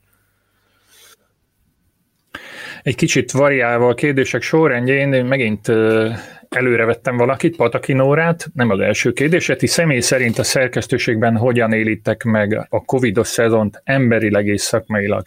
Srácok, foglaljátok össze, legyetek uh, Hát nekem a, most a, itt, itt a személyes dolgokat, akkor ugye annyit gyorsan hozzátennék, talán elhangzott, mert talán nem, ugye egyébként nekem civilben a főállásom az, hogy én egyetemen oktatok, és így a tavasz márciustól májusig az pokoli volt. Tehát az, az online oktatás, mint olyan, az egy, az egy, az egy rettenetesen rossz dolog összehasonlítva tantermi oktatással, és azt a részét mind emberileg, mind szakmailag nagyon rosszul éltem meg. A, ami itt a Forma 1-es munkálkodást illeti, hogy nyilván Sanyinak volt a, a, a komoly változás, ez a, arról majd beszélő, viszont az, hogy a Formula Podcast így így összeállt, és így, így ennyi időt rá tudtunk számni, hogy, hogy kialakítsuk a részleteket, és hogy ez olyan lett ez a műsor, amilyen lett, abban viszont volt szerepe a, a, a, a karantén időszaknak, és, és hogyha az én életemben valami pozitívumot hozott ez az időszak, akkor ez volt, hogy, hogy ez az egész sztori így, így összeállt, mint az LGT. Nekem a 2019-es szezon az egy az egy 2019 egy nagyon különleges év volt, tehát 21 Forma 1-es nagydíjból 17 alkalommal a helyszínen dolgoztam. Más versenyek miatt, az Afrika rész miatt és a csapatunk miatt jártam Afrikában, tehát az Antarktisz volt az egyetlen kontinens, ami kimaradt a meglátogatott kontinensek közül. Ehhez képest 2020-ban már annak is örülni kellett, ha eljutottam a szomszéd faluba. 2020 tavasz az így indult, hogy ahelyett, hogy Ausztráliába utaztuk volna, örülni kellett annak, hogyha, hogyha eljutottunk a szomszéd településre. Ugyanakkor ez nyilvánvalóan egy nagy csapás, meg letargia, de én ezt, én ezt úgy kezeltem le ezt a helyzetet, hogy akkor most itt a lehetőség arra, hogy megcsináljunk olyan dolgokat, amikre korábban soha nem volt. Soha nem volt idő, meg soha nem volt alkalom. Ez lett a podcast például. Aztán az úgy bele homorítottunk a, a podcast gyártással, ugye rengeteg vendégünk volt, az rengeteg szervezést igényelt, rengeteg munkát igényelt, rengeteg utómunkát igényelt, úgyhogy én ezzel lefoglaltam magam. Most kezdek már abban az állapotban lenni, amikor egy, egy picit depi már az, hogy, hogy mennék már vissza, de tudom, hogy nincs hová. Mert mert ha elmennénk a nagy díjakra, a dolgok jelenlegi állása szerint ott is ugyanazt csinálnám, mint amit itthon csinálok, hogy ülök a Zoom előtt, vagy a Microsoft Teams előtt, és úgy beszélgetek versenyzőkkel, csapatvezetőkkel. Tehát ez egy kicsit most kezd nálam ez, ez kiütni, most van egyfajta olyan burnout, ami, ami jó lenne már nagyon hamar túl lenni, de hála jó Istennek én azt gondolom, hogy olyan szezonunk van, amikor mindig történik valami, most is itt ez a Honda bejelentés, én még mindig nem kapartam össze magam még mindig a hatása alatt vagyok. és próbáljuk Sanyit összekaparni, mert egyre csak a, a számítógépét lesi, és, és, és nehezen tud koncentrálni az adásra. Ami engem illet meg a szerkesztőséget, ugye mi a, a kollégák többségével online dolgozunk, szóval ez nem ért nagy meglepetésként bennünket, hogy, hogy online értekezeteket, zoomos tanácskozásokat kell tartani, de, de a legnagyobb hozadékának mindenképpen én is a, a, a podcast létrejöttét, meg a, meg a, a, a, a művelését tartom, úgyhogy ha, hát ha valamit lehet köszönni a COVID-19-nek, akkor, akkor ez az. Személyesen meg, meg megmondom őszintén, hogy aránylag sokat töltöttem én korábban is home office-ban, és keveset jártam a szerkesztőségbe. A, a kollégáink ugye meg pláne, mert hogy az ország nagyon különböző pontjairól dolgoznak, de de azért valamiféle szabadságot is ad a, ez a bezártság, tehát jóval több idő marad elmélkedni és átgondolni a, a dolgokat, hogy mivel érdemes igazán foglalkozni, melyik irányba kell nyitni. Következzen egy másik kérdés, ami akár ehhez a témához is kapcsolódhat, Hegedűs Csaba felvetése. Mi volt ez a hír, amin jót nevettetek, és azt mondtátok, hogy mekkora hülyeség, de megértátok, mert hát mégiscsak hír. Gondolkodtátok ezzel? Én gondolkodtam, hát sok ilyen volt. Hadd árulok el egy kulisszatitkot, majd Tamás legfőjebb kivágatod. van a Facebookon egy zárt csoport, senkinek keresem, mert titkosítva van, Formula munkatársak a neve, és Tamás, mint főszerkesztő oda szokott bedobálni mindenféle témákat, amiket ő érdekesnek talál. Ugye jó pár évig voltam weboldali szerkesztő, úgyhogy biztosan állíthatom, hogy ezek között nagyon sok valóban érdekes téma van, és hát néhány olyan, ami csak számára érdekes. Hát igen, azért ebből kisebb konfliktusok is kiszoktak alakulni, de hát nyilván végül, hogyha Tamás nagyon szeretne valamit, akkor azt, azt, azt meg szoktuk írni. Egy ilyen emlékezetes sztori volt nem olyan régen, hogy Hamilton volt nője falatnyi bikiniben pózolt. Na most én direkt megnéztem külső szakértőként a képeket, ez semmiképp sem falatnyi volt.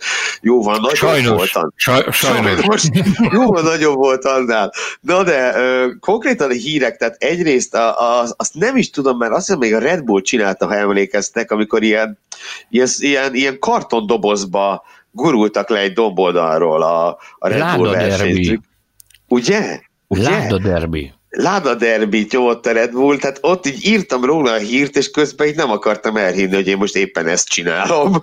Uh, meg hát az olyan őrületeket szeretem, amik néha fölbukkolnak a Formula Bulvár rovatában.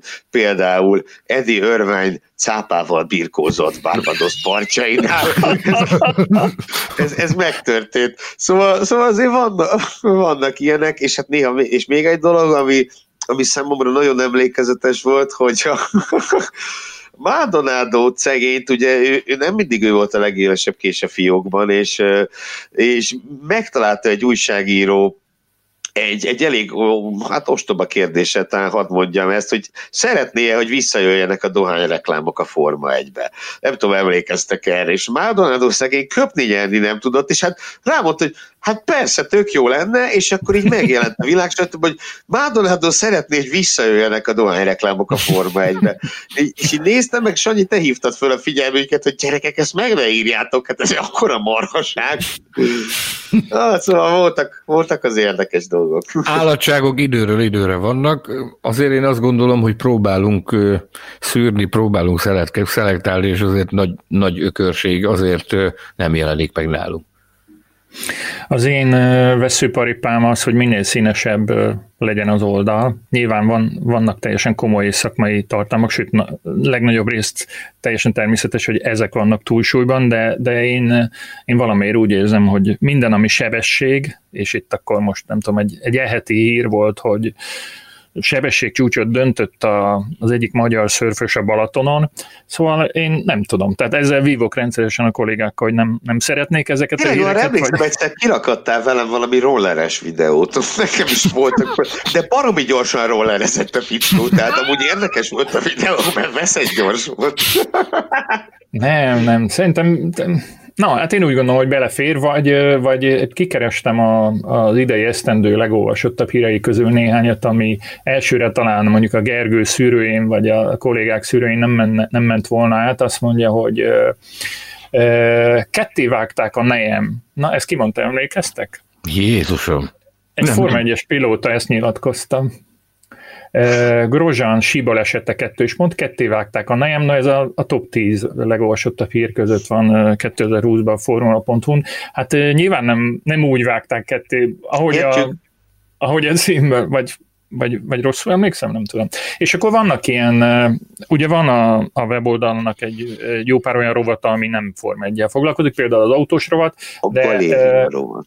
A, a galéria, igen, ez is állandó vita téma, hogy, hogy mit engedjük meg és mit nem, de hát a, azt kell látni, hogy a, a trendek abba az irányba visznek bennünket, hogy, hogy, kifejezetten szeretik az olvasók nézegetni azokat a képeket, amelyek szép autókat és szép lányokat mutatnak be egyszerre. Úgyhogy attól nem kell tartani a senkinek, hogy ez a rovat belátható időn belül megszűnik.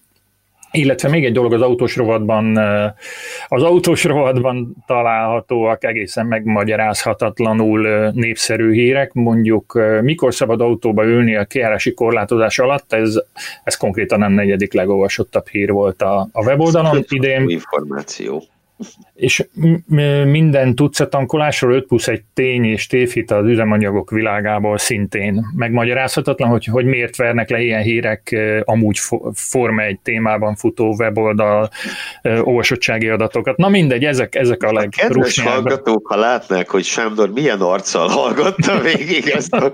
A szekció és alig, hanem a, a mai adás utolsó kérdése következik a legvégére értünk. Kurz Levente szeretné megtudni, hogy van-e kedvenc pilótátok és csapatotok. Na, ez meglepne, ha nem lenne egyébként. Akár a jelenlegi mezőnyből, akár korábbról. Ugyanez érdekli Szentes Kristófot is, a három kedvencünk jelenleg és valaha. És akkor én meg megkérdezem, hogy a tíz kedvencetek jelenleg és valaha. Nem, ez csak vicc. Sokallom. Csanyi, kezded, vagy kezdjem? Kezdem én.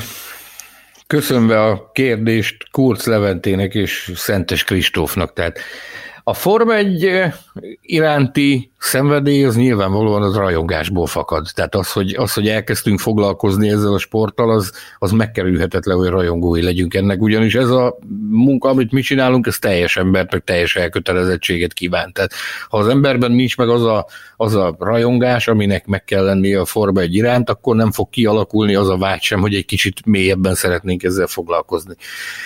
Ebből kifolyólag nyilvánvalóan nekünk is voltak, én úgy fogalmaznék a magam részéről, hogy voltak kedvenceim a múltban, mióta ezzel foglalkozom, aktívan fogalmazunk így, hogy hivatásszerűen, nem tudom, az emberben én azt gondolom, hogy az az egészséges, amikor egy idő után kialakul egy olyan szemlélet, amikor már, már nincs meg ez a fajta úgynevezett szurkolói hozzáállás. Tehát nyilvánvalóan vannak a jelenlegi mezőnyben vannak szimpatikusabb pilóták, vannak kevésbé szimpatikusabb pilóták, de az én álláspontom, az én szemszögemből az számít, amit, amit letesz az asztalra. A múltban nyilvánvalóan nekem is voltak kedvenceim. Az apukám hatalmas Lauda drukker volt, nyilvánvalóan nekem is Lauda volt az első nagy kedvencem. Utána, utána Mansell volt az, akivel szimpatizáltam, majd, majd Hakinen és Villeneuve volt az, akivel szimpatizáltam. Körülbelül ennyi. De a jelenlegi mezőnyben nincsenek. Én nem szurkolok senkinek, hát hogy tudnék szurkolni bárkinek is. Ezzel a sporttal kelünk, ezzel a sporttal fekszünk. Egy idő után én azt gondolom, hogy ez a szurkolói eh, hozzáállás, vagy szurkolói habitus, ez, ez óhatatlanul odavész.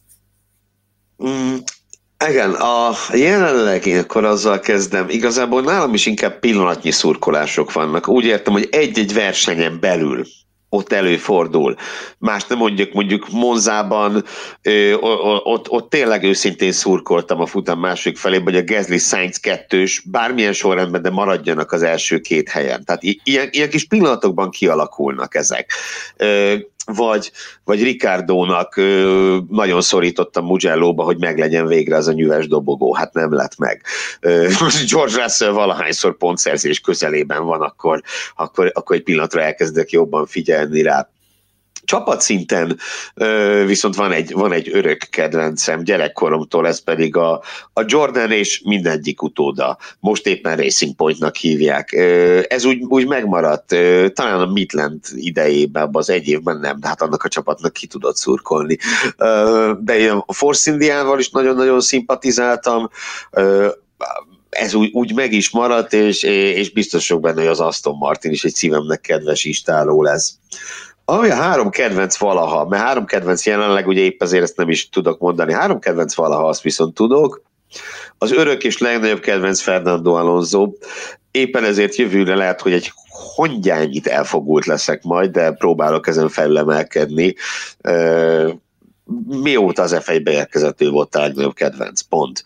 Utána Robert Kubica, fantasztikus volt, és amikor megtörtént a rally balesete, akkor szóval kevésszer voltam olyan szomorú autósportos esemény miatt, mint akkor. A harmadik pedig, harmadik pedig, aki nekem egy szintén nagyon nagy favoritom volt, az Mark Webber volt.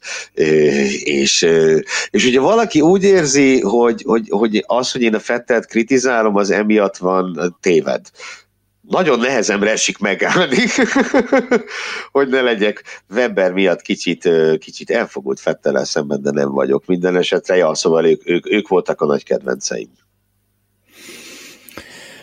Ami engem illet, nyilván a pillanatnyi szurkolás az általában ilyen emberi szokásként, általános emberi szokásként mindig a, a gyengébb felé irányul, tehát azt szeretnénk, hogyha a kicsik valahogy legyőznék, mint a népmeségben az óriásokat, és ez néha sikerül is, ugye?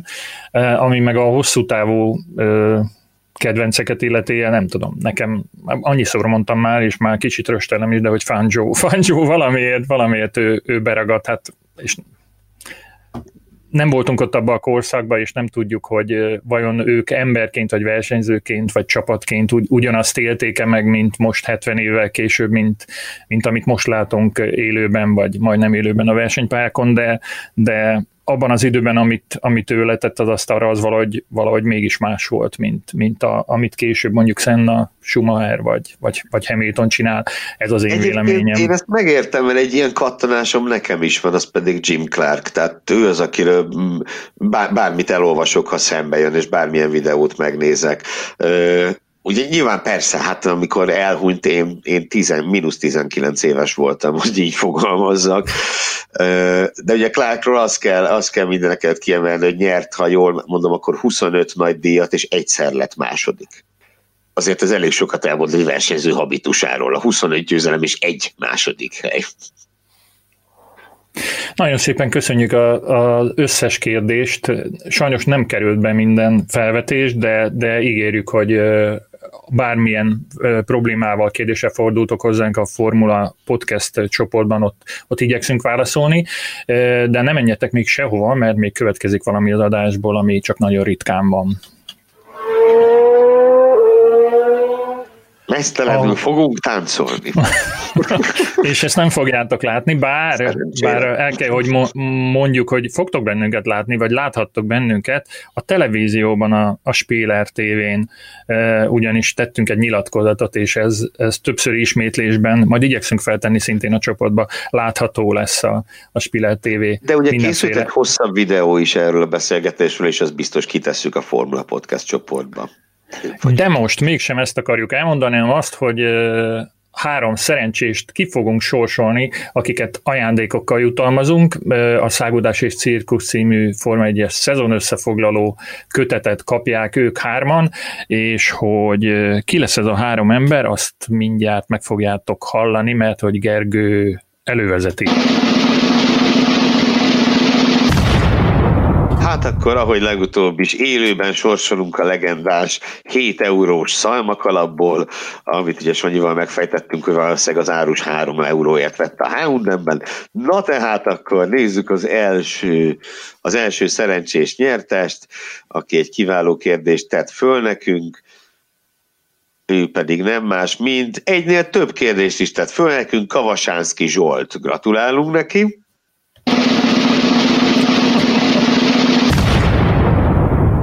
Nézzük a következő nyertesünket, már kavarom is a neveket, és aki pedig kikerül a kalapból, az nem más, mint Kurz Levente.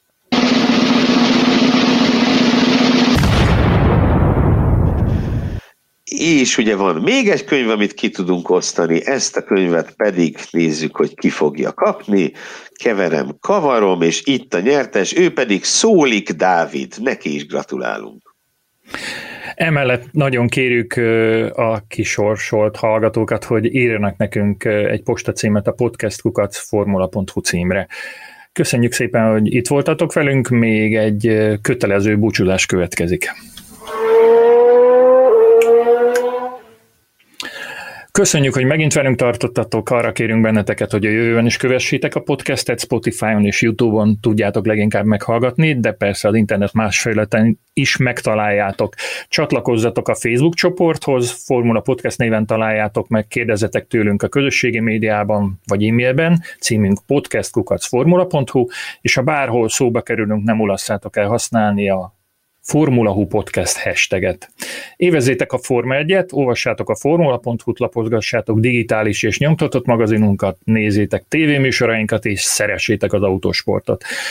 Munkatársaim Geléfi Gergő és Mészáros Sándor szerkesztő kollégák, valamint Hilbert Péter technikus nevében is búcsúzom, pár nap múlva ismét találkozunk. Sziasztok! Formula Podcast, az autósport és formula magazin műsora.